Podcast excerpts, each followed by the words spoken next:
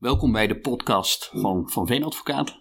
Deze keer spreek ik met mijn collega Reni Stark over het onderwerp IT-contracten en geschillen. IT wordt iedere dag belangrijker in ons leven. Geschillen lijken zich wel iedere dag voor te doen, dus een goed moment voor een gesprek.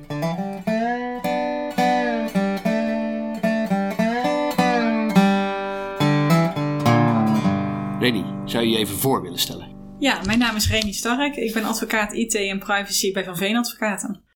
Een tijdje geleden heb je over het onderwerp waarover deze keer praten, IT-contracten en geschillen, bij ons op kantoor een kennissessie gehouden. Ja. Eh, daar was ik bij. Dat was eh, erg de moeite waard. En wat ik me herinner van die keer is dat je begon met een stelling. En die stelling die luidde: IT-projecten mislukken veel vaker dan bouwprojecten. Is dat zo? Ehm, mensen zijn vrij negatief over eh, IT-projecten, maar eigenlijk zien we dat ook andere projecten, zoals een bouwproject, heel vaak mislukt. Ja. En dat geldt dus ook voor IT-projecten. Ja, dat mislukt zeker. snel. Zeker. De vraag is eerder wanneer gaat die mislukken? Dat klinkt wellicht heel negatief. Maar de, de uitdaging is dan wel hoe wordt een project tot een goed einde gebracht? Ja, ja, dus er kunnen van allerlei dingen gebeuren. Maar de vraag is hoe ga je daarmee om en hoe los je het op? Precies. Juist. En vooral een, een pragmatische aanpak. Waarbij de verhouding tussen partijen heel erg goed blijft. Of in ieder geval weer wordt verbeterd. Dat is Ja. heel erg van belang om het project tot een goed einde te brengen. Ja, ja. Nou herinner ik me van je kennissessie dat je een onderscheid maakte tussen de pre-contractuele fase en de contractuele fase. Dat klinkt nogal duur. Eh, kun je uitleggen hoe dat zit en waarom het van belang is om in die beide fasen eh, goed op te letten op wat je doet? Ja, het is heel erg belangrijk dat eh, voordat er getoast wordt op de samenwerking, dat er toch kritisch wordt gekeken naar wat willen we nu eigenlijk samen gaan doen. In de praktijk komt het vaak voor dat partijen meteen overgaan tot eh, uitvoering van het project, terwijl er nog een heleboel zaken niet geregeld zijn. Dus uit enthousiasme gaan partijen al met elkaar verder. Ze hebben een klik, denken dat ze dezelfde eh, bedoelingen hebben over en weer. Maar in de praktijk blijkt dat niet altijd zo te zijn. Dus het is van belang dat in de precontractuele fase, dus dat Wat, is de eh, fase Ja, ja. voordat het contract getekend wordt, eh, dat er een aantal zaken kritisch worden bekeken. Eh, het zijn een aantal juridische zaken. eh, en op het moment dat dat uiteen wordt gezet in het contract, kun je goed aan je samenwerking beginnen. ja. Dus je moet ook al voordat je de handtekening zet onder een overeenkomst goed nadenken over waar je aan begint en wat je Zeker. in die fase al moet regelen. Zeker, en vaak zie ik een eh, standaard opdrachtbevestiging die heel sumier is. Ehm, er zit wel een service lev- level agreement bij en dat soort documenten. Maar de overeenkomst zelf is vrij sumier. En dat is zonde, want op het moment dat er iets misgaat, dan val je vaak terug op algemene voorwaarden die dan wel of niet van toepassing zijn. En wat vage mails over en weer. Terwijl als je even de rust neemt om een aantal kernzaken met elkaar af te stemmen, ja, dat kan een boel narigheid voorkomen. En wat zijn bijvoorbeeld kernzaken waar je in die fase al eh, goed over na moet denken, afspraken over moet maken? Eh, bijvoorbeeld aansprakelijkheid, een hele belangrijke. Wat zijn de taken over en weer, eh, de verantwoordelijkheden over en weer en wie is waarvoor aansprakelijk, tot welk bedrag? Ik zie nog veel overeenkomsten voorbij komen waarbij aansprakelijkheid niet wordt beperkt. Nou, dat is natuurlijk heel erg vervelend, met name voor de leverancier als er iets misgaat. Ja, dat de claim best wel kan oplopen en dat is zonde. Dus het is duidelijk of het is van belang om van tevoren goed die aansprakelijkheid te beperken. En verder, eh, denk bijvoorbeeld aan intellectuele eigendomsrechten. Er wordt iets ontwikkeld, vaak software. Van wie is het nu eigenlijk? Ja. En het is jammer als daar achteraf eh, discussie over ontstaat. Vaak zie je ook dat een opdrachtgever denkt dat hij betaalt voor iets wat van hem wordt. Uiteindelijk blijkt dat niet van hem te zijn of is het gebruik zeer beperkt. Ja, en begrijp ik het goed dat je die onderwerpen eigenlijk al in de fase voordat je de overeenkomst sluit moet bespreken met elkaar? Absoluut, Ja. absoluut. Ook aansprakelijkheid, ook de vraag wie krijgt het recht op wat. Dat Ja. is allemaal dan al een onderwerp dat Ja. van belang is. Zeker. En wat ga je nu precies doen? Eh, en de uitdaging voor de leverancier is om het technische meer over te brengen in het meer weer pragmatische. Dat het duidelijk is voor eh, de opdrachtgever wat er nu eigenlijk gaat gebeuren. Maar een opdrachtgever dient eh, ook de moeite en tijd te nemen om zich daar goed in te verdiepen. Vaak merk je dat bedrijven zoiets hebben. Nou ja, IT, dat is romslomp. Ik vertrouw het wel, regel het maar. Maar het is wel heel goed om te weten hoe gaat nu zoiets dadelijk in zijn werk. Past het wel helemaal bij mijn bedrijfsvoering en houd ik op een bepaalde manier de regie? Dat is belangrijk, regie. Zeker uh, belangrijk uh, om constant uh, ook voldoende aandacht te hebben voor het project vanuit de opdrachtgeverskant. Ja. Dus je kunt niet de boel uit handen laten vallen en denken dat de IT-leverancier het wel oplost. Nee, een goede projectmanager aan beide kanten is essentieel. En een constante communicatie en evaluatie is heel erg belangrijk, zodat partijen dezelfde taal blijven spreken. Uiteindelijk merk je ook dat veel geschillen ontstaan, omdat die communicatie niet goed gaat. De verwachtingen blijken anders te liggen. Terwijl als er op vaste momenten goed wordt gecommuniceerd en geëvalueerd, eh, dat voorkomt een heleboel narigheid. Zou je daar een voorbeeld van kunnen noemen? Bij IT-projecten zie je, of werk je in principe met verschillende fasen. En het is goed om, wanneer een onderdeel is afgerond, om op dat moment bijvoorbeeld te evalueren. Oké, we hebben nu een bepaald deel afgerond met elkaar. Is dat goed gegaan? Kunnen we verder naar het volgende punt? Ja, werkt het bijvoorbeeld tot dan? Precies. Dat, uh, ja. Precies. En ook als iets niet goed uh, bevalt, om dat meteen aan te geven en niet uh, dat iets blijft doorsudderen. en ook kritisch te kijken van past dit bij mijn organisatie dan vanuit de opdrachtgeversperspectief. Ja, ja. De, is het nog wat ik voor ja. ogen had toen we begonnen? Ja, ja. Maar daarom is het ook essentieel voor een leverancier dat vanaf moment 1 eigenlijk ook nog in die precontractuele fase er goed wordt doorgevraagd of de opdrachtgever wel begrijpt wat er gaat gebeuren. Ik vind dat daar ook wel een onderzoeksplicht uh, ligt voor die leverancier. Um, in de jurisprudentie wordt het ook nader uitgewerkt als een zorgplicht. Dus het is echt wel van belang om bij je klant goed na te vragen: begrijp wat ik ga doen? Waar ligt jouw behoefte? En nou weet ik van je kennissessie dat je ook het uh, begrip risico-inventarisatie liet vallen. Ja. Hoe moet ik dat zien? Wat is dat in dit verband? Denken in worst-case scenario's. Wat, is, wat kan er nu echt misgaan? En dat is uh, voor zowel de leverancier belangrijk als voor de opdrachtgever. Wellicht iets belangrijker nog voor die opdrachtgever, omdat qua IT ben je met je organisatie enorm afhankelijk. Dus wat als het nu helemaal misgaat, want je zit in een afhankelijke positie ten opzichte van die leverancier, kan ik nog wel bij mijn data? Kan ik uitwijken naar een derde? Wat als mijn leverancier failleert? Dat soort zaken zijn essentieel. Ja, dus je moet eigenlijk voor al die risico's een soort plan B op voorhand hebben. Absoluut. Ik ben een voorstander van een exit-strategie. Ik vind dat die deels tot uiting komt in het contract. Maar los daarvan dient een opdrachtgever ook een exit-strategie intern te hebben, zodat men weet wat als dit misgaat, zo gaan wij dit oplossen. Ja, ja. Met ja. exit bedoel je exit leverancier dan? Ja, uh, dat de samenwerking eindigt en dat kan ook komen door een faillissement of dat de leverancier door een andere partij wordt overgenomen. Maar wees daarop bedacht en ook dat die, waar die data staat.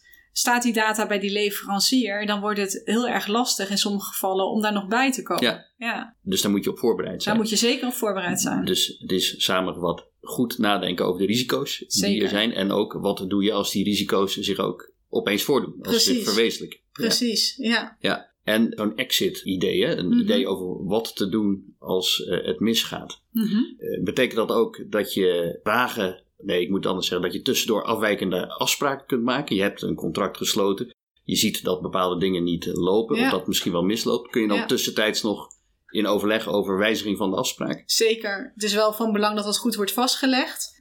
Ik ben er een voorstander van dat het ook weer eh, eh, door de juiste personen, de bevoegde personen, wordt getekend. En heel erg belangrijk, spreek ook af wat dat betekent eh, voor de afspraken die eerder gemaakt zijn. Ja. Want wellicht is het voor partijen heel erg logisch dat die eerdere afspraken, of een aantal daarvan, eh, komt te vervallen. Maar het is van belang om dat nadrukkelijk te bepalen in het document Ja. eh, waar je die nieuwe afspraken in vastlegt. En wat voor soort document moet ik me daarbij voorstellen? Hoe ziet dat eruit? Dat, dat kan in principe heel simpel op een eh, A4 als een soort side letter, waar heel erg beknopt de afspraken in staan. Eventueel kan er verwezen worden naar bijlagen waar bijvoorbeeld de systematiek verder in wordt uitgewerkt. Dat is allemaal prima, maar als het maar wel ondertekend is. Ja, als het ondertekend is en als maar ook echt duidelijk is wat er dan anders is aan de afspraak. die Ja, en ook wanneer die afspraken zijn gemaakt. Dus eh, vergeet ook niet het document te dateren. Nee. Het liefst met datum en tijdstip en wie erbij aanwezig waren. Eh, dat is heel erg belangrijk voor het dossier. Ja, en dan vernieuw je dus eigenlijk de overeenkomst. Je gaat op een andere manier met elkaar verder. Ja, ja, of je Ja. vult hem aan. Dat, dat kan natuurlijk ook. Ja. Komt het wel eens voor dat zo'n IT-traject zonder dat soort wijzigingen tot een goed einde wordt gebracht? Of is het altijd eigenlijk wel nodig om tussentijds een beetje bij te sturen, een beetje Ja, een nieuwe afspraak te maken? Ja, eigenlijk dat laatste. Ja? Eh, omdat het qua IT heel erg lastig is om vooraf te voorspellen hoe iets gaat lopen. Vaak heb je te maken met nieuwe technologie. Ehm, is het een project eh, dat ook voor de leverancier enigszins nieuw is? Dus ja, er zijn veel onzekerheden voor beide Ja. partijen. Ja, dus je zegt ook eigenlijk daarmee, beide partijen weten van tevoren ook niet wat ze te wachten staat. Nee. En ook om die reden moeten ze op een goede manier met elkaar omgaan. Absoluut. Vooral in het geval van maatwerk is dat echt essentieel. Kijk, als het standaard applicaties zijn, dan, dan ligt dat anders. Dan weet een leverancier heel erg goed eh, wa- wat hij levert. Maar op het moment dat het gaat om maatwerk, nou ja, dan, eh, dan zijn er heel veel onzekerheden. Dus het is ook eigenlijk niet zo gek dat die IT-projecten vaak een beetje aanleiding geven tot nou ja, nieuwe discussies en eh, Ja. nieuwe afspraken. En dat is ook helemaal niet erg. Partijen hoeven daar ook niet van te schrikken. Het is van belang om daar op een juiste manier mee om te gaan. Ehm, ik zal dus ook geen enkele partij adviseren om meteen een boze brief vanuit een advocaat Nee, te laten sturen. Nee, Want daar zijn we toch voor, toch? Ja. We zijn voor Ja. boze brieven, dacht ik. Of- Soms, soms. Op de juiste momenten moeten wij ook onze tanden kunnen laten zien. Alleen ik ben er persoonlijk van overtuigd dat een pragmatische aanpak eh, hier heel erg belangrijk bij is. Dus dat die communicatie, de dialoog, die moet blijven voortduren. En dan helpt het niet altijd om een brief te sturen vanuit een advocatenkantoor. Ik zie mijn rol dan meer als een soort van mediator, ook al is het geen formeel eh, mediation gesprek, om te kijken hoe krijg ik partijen weer rond, rond de tafel. Hoe ga je verder nadenken over de oplossing? Ja, die, eh, ja en waar zit dan die struggle? En ik denk dat daar een hele belangrijke rol voor ons als advocaat is weggelegd. Zodat partijen weer die elkaar gaan verstaan. Dezelfde taal gaan spreken. Want je merkt dat vaak een en ander ook op basis van aannames is gebaseerd. En mensen langs elkaar gaan spreken op den duur. En dan is het heel erg belangrijk om een nieuw plan van aanpak te maken. Oké, wat is nu essentieel? Wat is voor deze partij van belang? En wat is voor de andere partij van belang? En natuurlijk zijn wij partijdig. We staan aan de kant van onze cliënt.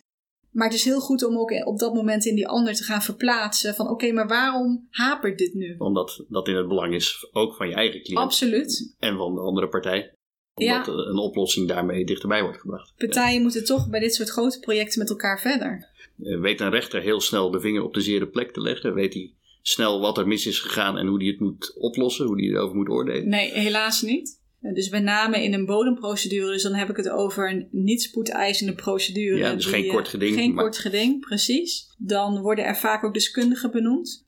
Ja. Dus dat zorgt ervoor dat een rechtszaak enorm lang duurt. Eh, veel tijd kost, veel energie kost. Ja. En uiteindelijk, ja, dat, dat project blijft stil liggen. Dus niemand is erbij gebaat om uiteindelijk te procederen. En het komt wel eens voor. En als Ja, het soms echt kan moet, het niet anders natuurlijk. Hè? dan Nee. doen we dat natuurlijk ook. Alleen het zijn niet de leukste procedures voor de cliënt. En ze kosten gewoon heel veel geld, omdat je te maken hebt met deskundigen die eh, benoemd worden. Ja, die zijn niet goedkoop, denk ik. Die zijn ook niet eh, goedkoop. En het is met name heel erg tijdrovend. Dus dat is Ja. jammer. Kijk, en bij een kort geding ligt dat natuurlijk anders. Maar dat, een kort geding is niet altijd de- oplossing. Of het kan niet altijd, omdat het zich gewoon niet leent voor een kort geding. Dus uiteindelijk is een gesprek het allerbeste. En als dat niet lukt, dan wordt het gewoon een formele mediation. Dan wel een arbitrage. Daar ben ik dan nog eerder voorstander van dan Ja, de waarom? klassieke weg. Ja, waarom eerder een arbitrage? Kun je vertellen wat dat is, een arbitrage? Ja, eh, arbitrage is een vorm van geschillenbeslechting. Niet klassiek via de, de rechter, maar er worden dan arbiters eh, benoemd. Vaak wordt in het contract dat ook nader bepaald. Wie dat moeten worden. Ja, wie dat moeten worden, precies. En ik ben daar een voorstander van dat de arbiters kennis hebben van zaken. Dus dat die deskundig zijn op het gebied van IT. Want ja, de huidige... Wij kennen in Nederland geen IT-rechtbank. Nee, Dus je hebt ook altijd geen te maken... gespecialiseerde Nee. rechtbank of iets dergelijks. Nee, dus eh, we hebben altijd mee te maken dat soms, ja, of soms, eigenlijk meestal heeft de rechter onvoldoende kennis van IT. Dus dat is een enorme hobbel die je ook eh, moet nemen. Door middel van arbitrage heb je vaak te maken met arbiters die er verstand van hebben. En dat zorgt dat een en ander effectief en relatief snel opgelost Ja. kan worden. Met daarbij een uitspraak waar partijen zich over het algemeen wel in Ja, kunnen is dat de ervaring? Dat Ja. er dan echt goed naar is gekeken en dat de uitkomst ook voor beide partijen wel aanvaardbaar Ja, is? kijk, natuurlijk, het kan voorkomen dat één partij helemaal niet blij is met de uitkomst. Dat, dat kan. Maar ik denk wel dat het dan, nou, dat, dat de argumenten die daar aan te grondslag liggen, dat een ander die wel kan herleiden, dat hij Ja. wel kan begrijpen. Ja, als het Ja. goed is, voelt de andere partij zich ook eh, Ja. gehoord en serieus genomen door eh, de arbiter. ja, Ja. Want het levert in de praktijk veel irritatie op wanneer je met de cliënt naar een rechtbank gaat en de cliënt ook merkt dat de rechter eigenlijk niet stapt waar het over gaat. Dus uh, we hebben wat dat betreft ook een pragmatische aanpak door soms letterlijk met bordjes in de rechtszaal te zitten om dingen uit te tekenen, Ja. omdat het niet altijd helder is. Ja, daar kan ik me van alles bij voorstellen trouwens. En dat het helemaal niet eenvoudig is. Het is eh, ingewikkeld werk. Ja. ja. Ja. Eh, misschien nog eventjes toch naar het contract zelf. Eh, daarin maak je dus afspraken. En ik weet dat je in je kennissessie het had over het verschil tussen een resultaatsverplichting en een inspanningsverplichting. ja. Kun je kort uitleggen wat het verschil is en hoe je in een contract duidelijk kunt maken welke van de twee zich voordoet? Ja. Ehm, in principe is het zo dat al het IT-gerelateerde werk, wat door een leverancier wordt uitgevoerd, is gebaseerd op basis van een inspanningsverplichting. Dat betekent dat hij alles in het werk dient te zetten om tot een goed resultaat te komen. Een resultaatsverplichting is dat er echt gegarandeerd wordt van ik maak dit voor jou en het zal precies daaraan voldoen. Uiterlijk dan en dan. Uiterlijk dan en dan, Ja. precies. Dat is dus eigenlijk eh, niet wenselijk voor die leverancier, omdat het eigenlijk nooit te realiseren valt op die manier. Op het Dus dan neemt de leverancier een risico daarmee. als. Zeker, Ja. zeker. En dat zal ik nooit adviseren. Dus het is van belang dat een contract wordt geformuleerd als een inspanningsverplichting, waarbij de termijnen bijvoorbeeld ook gelden als indicatie en niet als finale Nee. termijnen. Dus dat het meteen mis is als de termijn Ja. niet gehaald wordt. Ja, denk aan formuleringen van er wordt ernaar gestreefd dat. Maar voor de opdrachtgever kan ik me voorstellen, is het wel van belang om in de gaten te houden dat er wel iets van een termijn is waarbinnen een bepaald resultaat toch wel bereikt zal zijn. Absoluut. De oplossing die ik vaak in de praktijk dan hanteer is door middel van een tussenstap een bepaalde indicatiedatum om te zetten naar een, finaal, een finale termijn. Ja, Door in eerste instantie te communiceren: oké, de indicatieperiode, de geschatte periode is nu voorbij. Maar let wel, een redelijke termijn is bijvoorbeeld in deze drie maanden. Maar daarna gaan we dus alsnog een eh, termijn Gewoon stellen. echt en, een dan termijn is die wel degelijk, en dan is die degelijk, eh, wel degelijk finaal. ja, Zodat je toch tot die ingebrekenstelling komt. ja. En een ingebrekenstelling, dat is een moment Ja. waarop je als partij zegt, nou moet het echt gebeuren, anders word je aansprakelijk voor schade. Juist, juist. Ja. Want wij moeten uiteindelijk werken naar een verzuim, hè, zoals Ja. het dan juridisch heet. Dat, dat het duidelijk is dat een partij de verplichtingen niet meer is nagekomen. Dus om verzuim te creëren heb je een ingebrekenstelling nodig. Maar het is dan essentieel om dus die tussenstap te zetten. Maar dus wel over te gaan tot een echte ingebrekenstelling. Want dat gaat dus ook in de praktijk vaak nog mis.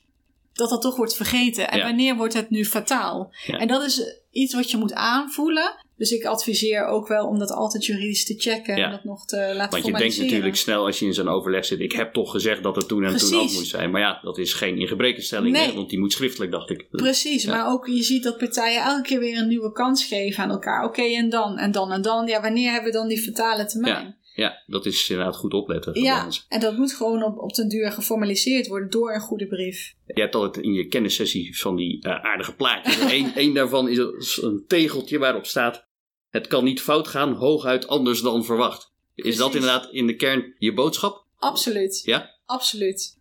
Ik vind niet dat er negatief gedacht moet worden over dit soort IT-projecten.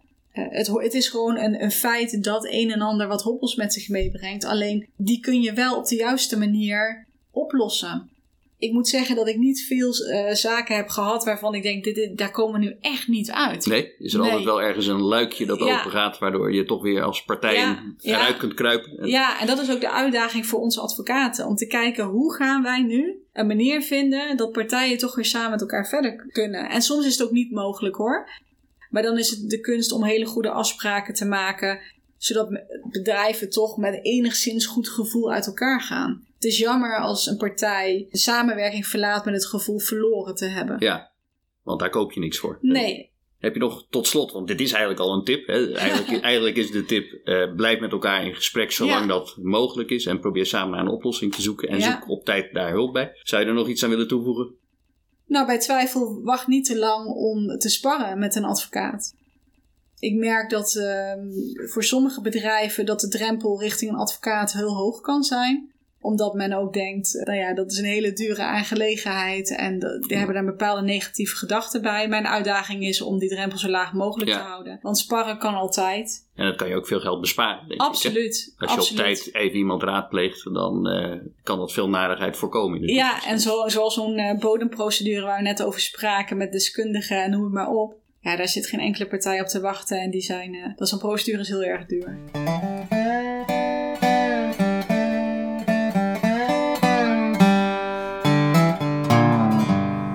Bedankt voor het luisteren. Vergeet niet te abonneren op de podcast, zodat je automatisch een melding krijgt als er een nieuwe uitzending is. Dat kan via iTunes, Spotify, YouTube, Podbean of Stitcher. Laat gerust weten wat je van deze podcast vindt en tot de volgende keer.